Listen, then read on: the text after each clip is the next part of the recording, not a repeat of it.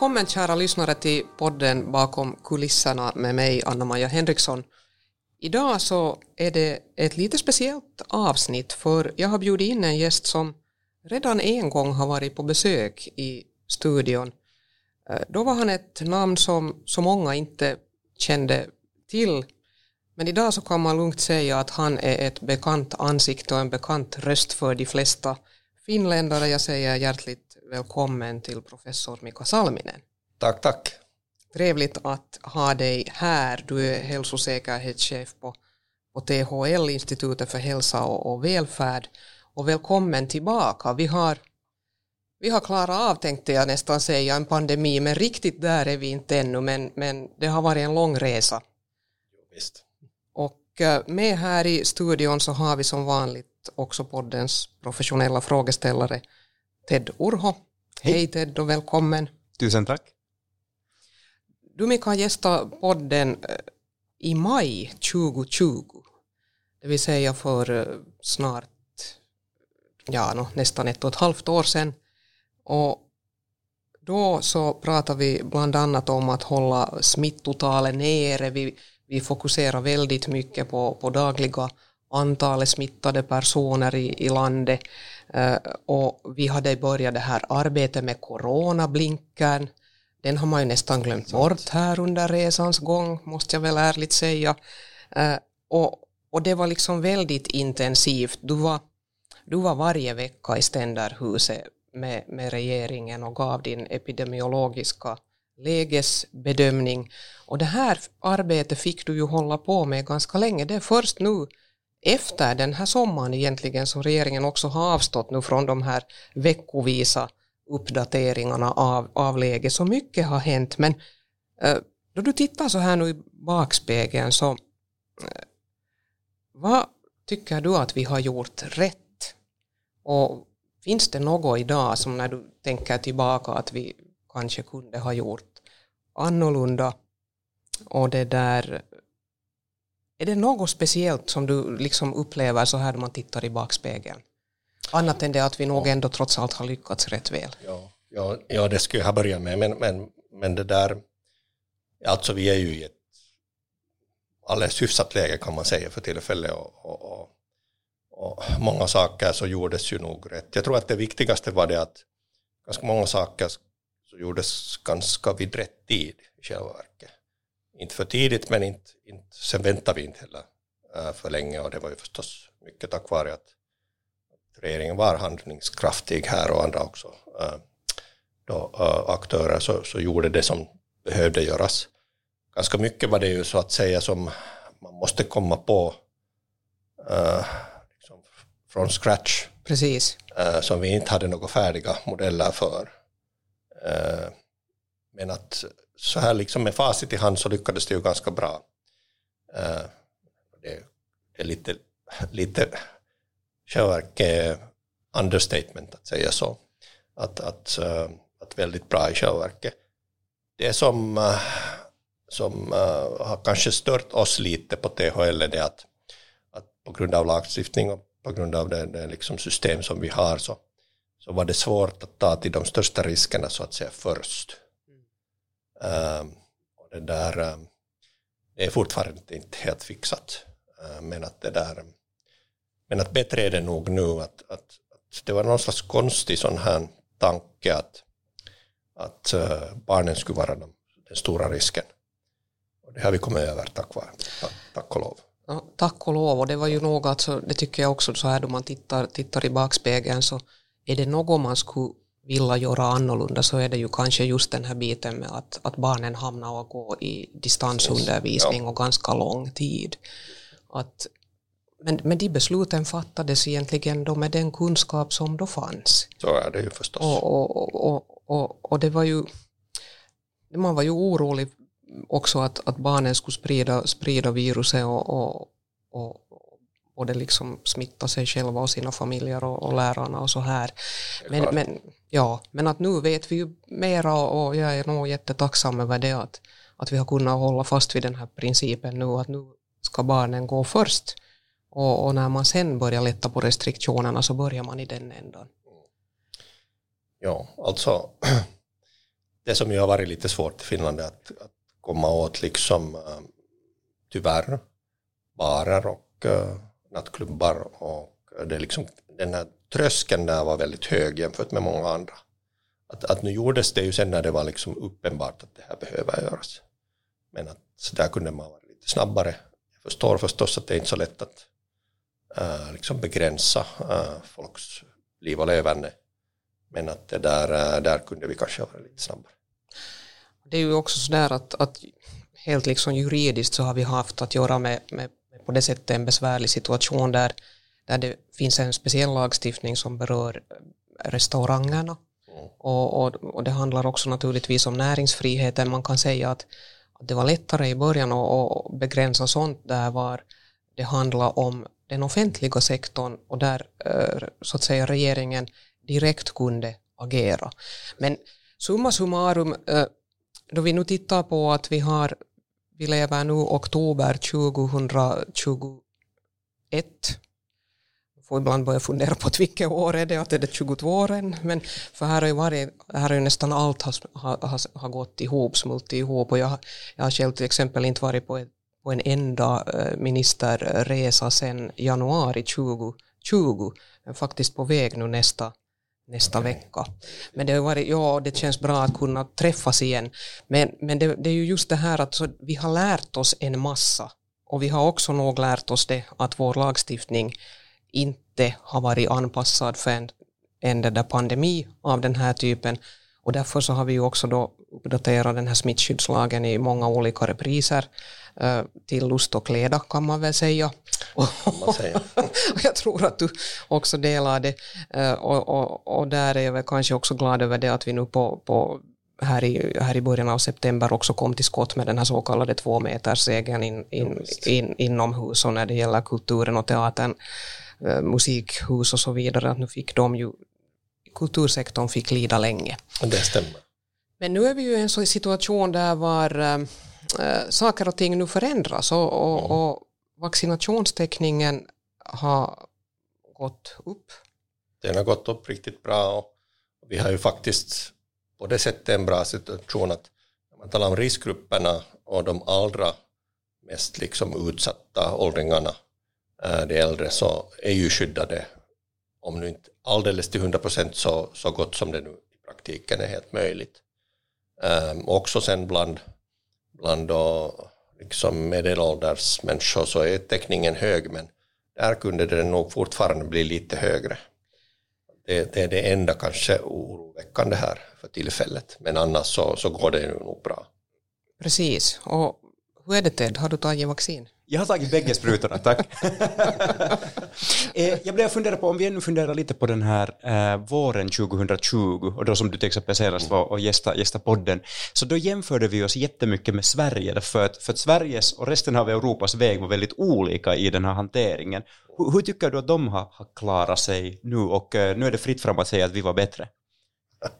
No, uh, no, det är jag inte säkert uh, oense med, att, att vi var bättre, men att det, där, det är förstås på det sättet att, att um, det är hemskt svårt att kritisera andra länders beslut för att, för att de tittar på saken från sitt eget perspektiv uh, och så här liksom med fast i hand så kan man väl kanske säga att kanske de gjorde några, några liksom uh, felbeslut i början och kanske hängde fast vid, vid så att säga tidigare tankesätt lite för länge. De ändrade ju sen så småningom, det tog ganska länge men att de ändrade ju sen nog. Uh, det har ju förstås sen betytt att det har kostat dem i liv nog ganska mycket. Å andra sidan sen så kan man tänka sig att vi trodde ju inte heller på att vi skulle få vaccinet så här fort. Nej, som, precis. Liksom, som var i den här situationen. Och var väldigt oroliga att hur ska det gå, att ska vi måste hålla liksom landet fast i åratal. Så att, så att från den synvinkeln, om det skulle ha gått så dåligt att vaccinet inte skulle funka, så kan, kan situationen ha sett annorlunda ut.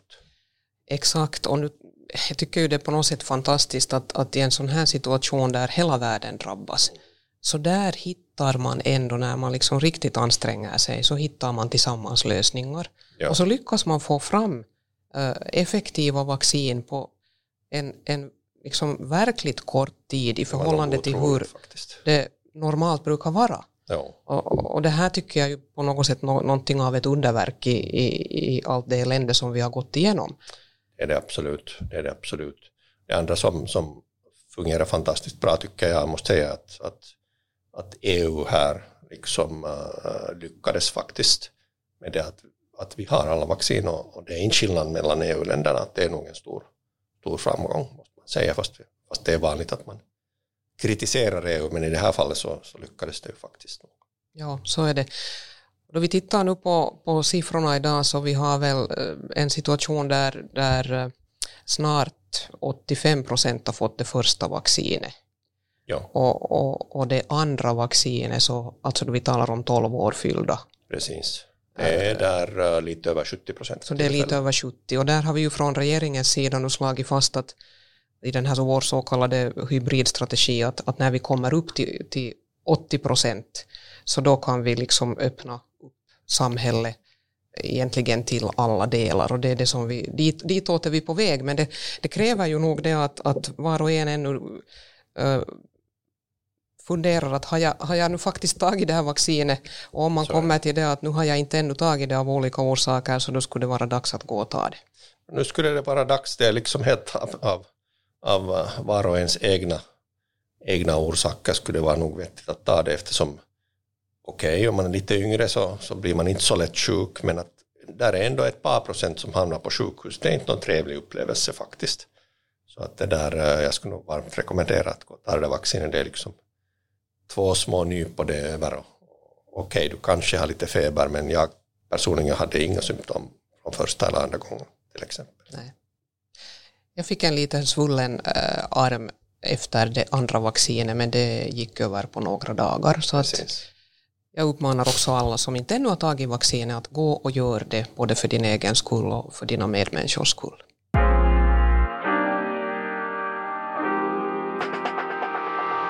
Och nu har vi eh, just eh, fått eh, nya rekommendationer från THL att vi kan använda vårt eget omdöme i förhållande till att bära den här ansiktsmasken och, och, och, och, jag har förstått det också på det sättet att ni nog varmt rekommenderar att man använder i kollektivtrafik och, och när det är större samlingar och, och det tänker jag åtminstone själv göra. Sen har vi eh, från regeringens sida nyligen fattat också beslut som som gör att det här sång och dansförbudet som har rått i Finland nu har upphört. Och, och skulle någon ha sagt åt mig när vi inledde den här regeringsperioden att du kommer att sitta och vara glad över att sång och dansförbudet har upphört så skulle jag säga att tror du att vi håller på att gå tillbaka till 30-talet? Men, men det, det är ju lite absurt. Men Mika, här är vi nu. Ja. Vad va, va, va, va, säger du? Det är ju fint att vi är här, ja. det måste man säga. Att, att det är nog tack vare att alla har gjort sin andel och, och tar vaccinen och, och varit försiktiga och besluten har fattats i rätt tid. Vad heter det?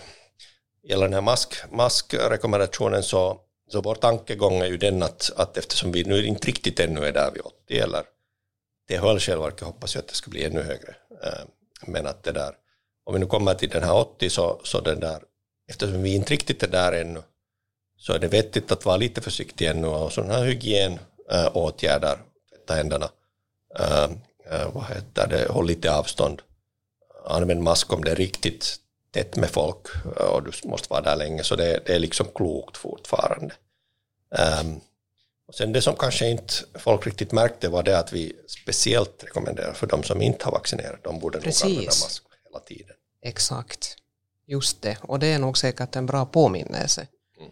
Ja. Så att eh, jag kan väl säga också så här att eh, när vi hade statsrådets möte den här dagen när, när det kom ut att, att nu kom THL med sin nya maskrekommendation så, så det är länge sedan jag har sett statsministern vara så nöjd. för, för hon, hon, hon, hon, hon, jo, hon, hon, hon det där stråla av glädje när, när hon sa att nu, nu, tar hon bort masken och jag hade också gjort det och vi var överens om det att, okay. att nu kan vi sitta i statsrådets möte, vi sitter ju ändå så mycket med varandra och det är ändå distans mellan ja, oss så här. Så att uh, det beslutet så, så kom till. Det var ju bra. Och det, var, det, var, det, var, det var ju som en befrielse på något sätt. Ja. Att, uh, psykologiskt också så har Visst. det en viss betydelse. Det som jag har märkt, jag var till butiken igår efteråt och nu var det fortfarande de flesta som, som hade maskat. Det här tar säkert sin tid att folk vänjer sig Ja. lite och, och känner sig trygga och, och, och det är ju ingenting som hindrar att du fortsätter använda fast hela vintern om du Exakt. vill hindra att få Ja. influensa eller någon annan Precis. virussjukdom så hjälper det emot det också. Ja. Och sen det här enkla receptet som du gav att man kommer ihåg att fortsätta tvätta händerna. Jag tror att, Ja. Att på något sätt så känns det ju som så att, att också de här normala så att säga säsonginfluensorna har vi kunnat mota i grind också med det att det har finländska folket Ja. har, har gjort. Det har varit det. ganska anmärkningsvärt faktiskt. Alltså det liksom bevisar ju det att de åtgärder som har tagits inte liksom är helt obe, och liksom, uh, begrundade att faktiskt liksom andra infektionssjukdomar, just sådana här, sådana här smittsamma uh, ähm, flunsor så har hållits borta nästan helt och hållet. Det hela tiden. Att, att på det sättet så är det ju ganska anmärkningsvärt. Ja, visst är det det. Och sen har vi det här coronapasset som nu har varit mycket också på tapeten och, och, och här kan jag väl för egen del säga det att jag, jag, jag ser ju det här som en, liksom en säkerhetsåtgärd. Vi, vi, vi skapar ett verktyg som vi kan ha i bakfickan ifall att läget skulle bli väldigt mycket sämre och min förhoppning är ju att vi aldrig egentligen ska behöva använda det. Men, men det kan vara bra att ha det som verktyg i bakfickan. Men hur ser du Mika på det här coronapass? Och det är just så att det är ett bra, bra verktyg att ha i bakfickan och, nu, kan det, nu kan det bra gå så att vi hamnar och använder det. Om jag ska vara riktigt ärlig och, och, och det här skulle vara diktator så skulle vi säkert kräva coronapass av alla just nu. Just det. Ehm, kanske hela vintern också. Okej. Men att det där, eh, så det är ju förstås inte möjligt och, Nej. och inte berättigat heller så att inte kräver vi ju något sånt. Men att rent från smittorisk eh, begränsandes liksom, eh, synvinkel så skulle det ju vara bra att endast vaccinerade personer skulle gå på bar till exempel. Men att det, det förstår vi ju förstås att det är nu inte liksom vettigt att försöka kräva något sånt. Nej, no det, och det, där kommer också den här, ska vi säga den här frågan om grundläggande rättigheter och vad som är, vad som är liksom proportionerligt och vad som är, som är rimligt så kommer in. Och hela den här frågan nu om coronapasset så ligger ju i riksdagen nu för tillfället och, och, och vi får nu sen se vad, vad som kommer ut därifrån och grundlagsutskottet har, har också i den här sammanhangen ganska viktig roll så att det återstår att se. vad heter det, det som kanske, kanske en del människor inte riktigt förstår är ju det att, att även om vi nu liksom via vaccinerna får ner äh, då liksom sjukligheten och, och dödligheten ganska mycket, liksom väldigt mycket i själva så kommer inte corona att försvinna under den här vintern. Vi kommer liksom kontinuerligt att ha, och, och, ha sjukdom och det kommer att gå upp i fallen och det kommer att gå ner och det kommer att gå upp igen. Och det här liksom kan vi inte någonting åt, så länge som alla inte är vaccinerade. Även om alla skulle vara absolut 100% vaccinerade skulle vi ändå ha lite fall. För att vaccinet skyddar inte liksom helt mot, mot smittan. Däremot skyddar det bra mot, mot sjukdomen. Precis. Den här frågan om ett tredje vaccin då, alltså hur, hur ser du på den? Att man, jag vet att i Sverige till exempel så, så har man nu påbörjat vaccineringen också av, av människor med en tredje dos, men vilka är det som skulle vara speciellt i behov av det? De, de har gjort samma som vi. Vi har ju också påbörjat då de eh, som har äh, sån sjukdom som påverkar immunförsvaret. Så det har vi ju alltså också Okej, starta. Och det här är ju det som, det som de flesta länder har gjort. Eh, däremot så är det helt oklart att behöver man faktiskt en tredje dos om man är annars liksom grundfrisk. Att, att vi ser fortfarande genom våra egna studier och också från det internationella att vaccinen fortfarande ger ett extremt bra skydd. Att det är bara några få procent av de som är på sjukhus som har fått båda doserna. Och det är oftast de människor som har en grundsjukdom eller, eller är väldigt ålderstigna.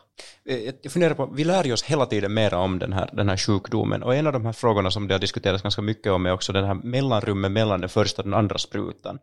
Ehm, och vi försnabbar ju till exempel i Helsingfors och, och, i många andra städer så, så kunde man ju då ta tidigare den här andra sprutan än vad som egentligen var, var rekommendationen ursprungligen. Vad, vad, vad är egentligen det där, det där avståndet mellan de här två nu som, som, som man ska ha för att, för att man ska få ett fullgott skydd? Vi har sagt att det är sex veckor och det, det beror på helt liksom, internationellt forskningsdata.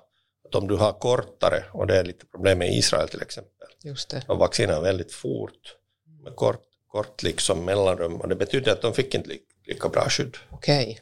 Medan uh, tack vare att vi har haft längre avstånd uh, så har de flesta sannolikt ett starkare och längre skydd. Den här frågan om tredje vaccindos, kanske det behövs, kanske inte, men att det, det ser vi sen kanske någon gång i början av nästa år. Behövs det så, då erbjuds det ju förstås. Vi har liksom möjlighet till det. En sak som jag fäste min uppmärksamhet vid här i veckan så var det att Helsingin Sanomat hade en artikel där man talade om att nu, nu kommer det liksom någon, någon uh, lite aggressivare influensa. Uh, vet vi något mera om det här eller är det, är det något vi kan vaccinera oss mot här? Vi kan vaccinera oss mot, mot influensa. Um, influensavaccinationsperioden börjar ju här liksom småningom. Riktigt ännu lönar det sig inte att göra det eftersom vaccinet eh, då tar lite tid för det första att, att liksom utveckla den här skyddet. Och, och sen också så behöver man det mest just under de, de liksom mörkaste vinter äh, år, årstiden. Så att eh, liksom slutet av nästa månad så börjar det vara tid att ta influensavaccinet det att man tänker sig att det kommer en aggressiv reform så har lite att göra med det att vi inte har haft influensa på ett och ett halvt år alls. Ja, just det. Och det betyder att, att vi har inte liksom fått någon slags eh, naturligt skydd eh, genom att bli exponerad här emellanåt. Eh, så därför är det liksom extra kanske vettigt att gå och ta influensavaccinet eh, nu den här hösten. Precis. Egentligen för vem som helst.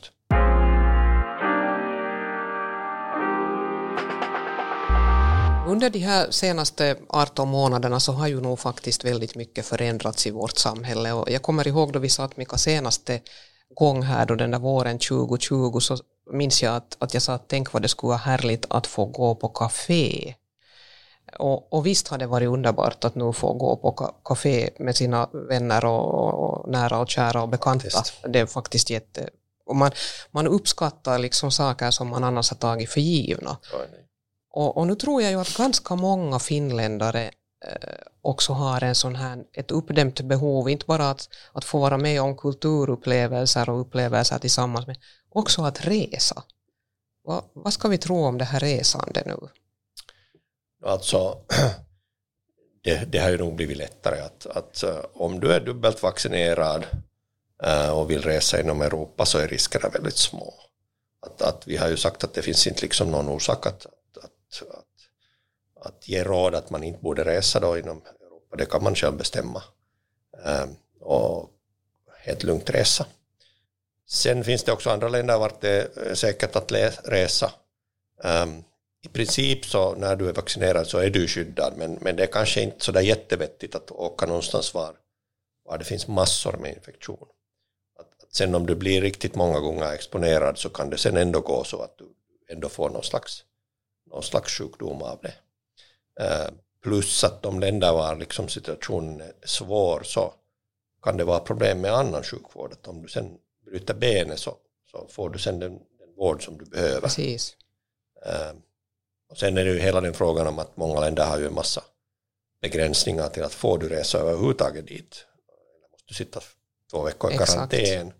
Så är kanske inte en en eh, turistresa då eller semesterresa riktigt sådär jättelyckad om du sitter två veckor på ett hotell och får inte gå ut. Nej, och det är ju inte därför man vill resa någonstans Nej. för att sitta på hotellet. Men det där, vi, vi har ju också här hos oss nu en, en viss diskussion kring, kring det här och, och, och här våra egna regler i Finland har ju tagit fasta på det att har man, har man två vaccin så får man komma in i landet. Uh, sen, har vi nu, sen har vi nu i riksdagen också den här frågan om att att eh, om du inte har två vaccin, räcker det med ett test eller måste du ta ett till? Och, och här så sätts ju förstås våra egna, egna myndigheter och våra resurser också lite på, på spel och vi får se var det landar. Men, men hur ser du på det här med resande in till Finland? Hur ser du liksom att, att det är ändå relativt tryggt att uh, tillåta turister att komma nu till Finland? Nu, nu, är, det, nu är det tryggt att, att uh, låta turisterna komma alltså vi har ju ändå liksom viruset här än och det sprids beroende om turisterna är här eller inte. Uh, och speciellt då inom EU uh, och de andra länder som då har en högt, högt, högt liksom vac vaccineringstäthet så de människorna är skyddade. Uh, så risken att det skulle komma uh, liksom mycket fall som skulle leda till stora uh, smittokedjor så är ju jätteliten numera. Det är en helt annan situation än vad vi hade tidigare då det fanns mycket virus annanstans i världen och ganska lite här och ingen var skyddad. Så att, så att de här liksom riskbedömningarna som är gjorda tidigare så, så de, de gäller inte alls mera. Ehm, så att vi har ju tyckt till exempel det att man skulle kunna skippa det här andra testet, att det är liksom inte egentligen vettigt mera att hålla på med det.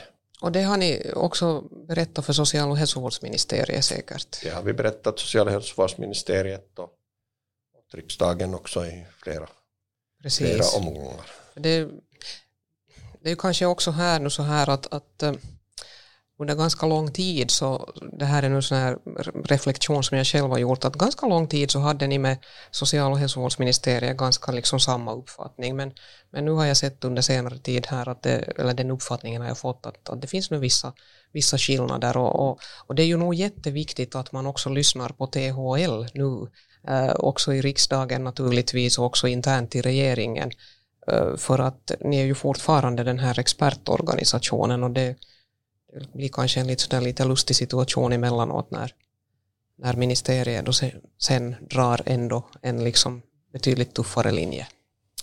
Det är förstås på det sättet att, att alltså vi, vi så att säga är ju de som ger råd på basen av vår expertis och den forskning och den liksom data som vi samlar in. Sen är det ju liksom helt okej okay. om beslutsfattarna beslutar annorlunda, då beslutar de annorlunda och det är liksom det är deras sak. Ehm, men att vi har nog lite upplevt det besvärligt det att, det att den här dialogen med, med ministeriet är inte kanske riktigt så bra som den var tidigare. Att, att, att eh, de tar inte riktigt betraktande alla våra utlåtanden på samma sätt som tidigare. Just det. Jag vet inte riktigt vad det beror på, att är de bara försiktigare än vi? Det kan ju vara förstås. No, det kan ju hända och det är klart att att säkert finns det, finns det någon orsak, men, men, men det viktiga tror jag nog också här är det att i den här processen i riksdagen nu så, så, så behöver ju utskotten ha ett brett hörande och, och det är viktigt att ni också där får fram era åsikter. Och kommer det fram nya saker så måste det också finnas beredskap att, att också ändra på det som regeringen har föreslagit. Att så är det ju hela tiden. Bra, det där vilka lärdomar ska vi ta inför nästa pandemi? Vi hoppas ju att vi inte ska behöva uppleva en sån. Men... ja. no, alltså, jag hoppas ju förstås det att, att, att det som vi har lärt oss under, under den här tiden leder till att vi ändrar på vissa saker då inom lagstiftningen men också inom beredskapen. Och det där, eh, till exempel THs roll borde man titta på. Eh, det är bara nog på det sättet att vi är ganska liksom svaga jämfört med många nordiska länder till och med. Mm. Och det där, eh, och jag hoppas själv att, att då inom den här äh, så kallade äh, liksom sociala hälsovårds liksom, omvälvningen ja. skulle man titta på det här och kanske se att vad är det som man skulle behöva från THL och vad kan man låta då hälsovårdssystemet göra. Uh, sen den andra stora lärdomen är ju egentligen den att, att hur du än förbereder, förbereder dig, vilka planer du än har, så när du har en ny situation så får du ändå kasta en del av det liksom i, i papperskorgen och, och lära dig äh, av det som du liksom ser och tänka om. Det är väl nog också det att man, man måste ha den här beredskapen och inse det att, att inte får vi någonsin en färdig handbok för alla situationer ja, som kan uppstå. Nog. Man kan försöka förbereda sig så, så gott det går men sen, sen, sen om det ser annorlunda ut så får man då göra om. Precis. Jag måste slutligen Mika fråga dig att, att, att efter, efter det här dryga året, nästan ett och ett halvt år som, som också din arbetsbild förändrades och, och, och du plötsligt liksom steg in i rampljuset och, och har varit en av Finlands absolut ledande experter Eh, i den här pandemin och du har fått stå på Ständerhusets trappa och ge kommentarer och du har, du har liksom uh, redogjort för, för regeringen och för, för, för riksdagen om läget. Så uh, hur har ditt liv förändrats? Och vad ser du liksom fram emot nu när, när, äh, när vi börjar gå så att säga mot en, en, en, en lite bättre tid och, och, och, vi öppnar upp samhället på nytt. Kommer du att sakna den där husets trappa och intervjuerna? Och... Jag tror inte. Jag tror inte att jag kommer att sakna dem direkt. Alltså det, det kan man ju inte liksom fråga att intressant har det ju varit mm. och, och, man har lärt sig massor om hur liksom uh, samhället fungerar i Finland, mm. hur beslut, beslut görs. Det har ju det har absolut varit också för mig en liksom stor lärdom och, och, och det där uh, värdefull sådan säkert. Uh, men att nu hoppas jag ju förstås att, att jag kan göra något annat emellanåt. Uh, jag gjorde ju ganska mycket internationellt arbete tidigare då inom, inom den position som jag hade och det har jag inte haft, haft liksom alls möjlighet till nu. Nej. Och det hoppas jag verkligen att jag kan göra i framtiden. Kanske jobba någonstans annanstans också. Bra, tusen tack Mika för att uh, du har varit med här idag och, och, jag tror att jag på alla finländares och lyssnares vägnar också kan tacka dig för din, din insats under hela den här pandemin. Det har varit otroligt värdefullt och, och, och det där vill, vill också önska dig nu en, en, en riktigt uh, god höst och vi ska hoppas att, att eh, uh, vaccinationstäckningsgraden nu går upp och att vi kommer också långt över den där 80 procenten och, och det där att vi så småningom skulle få sätta den här pandemin bakom oss fastän det här viruset nog kommer att finnas som du sa här på sätt eller annat. Men i alla fall så, så livet ser ljusare ut. Det gör det definitivt.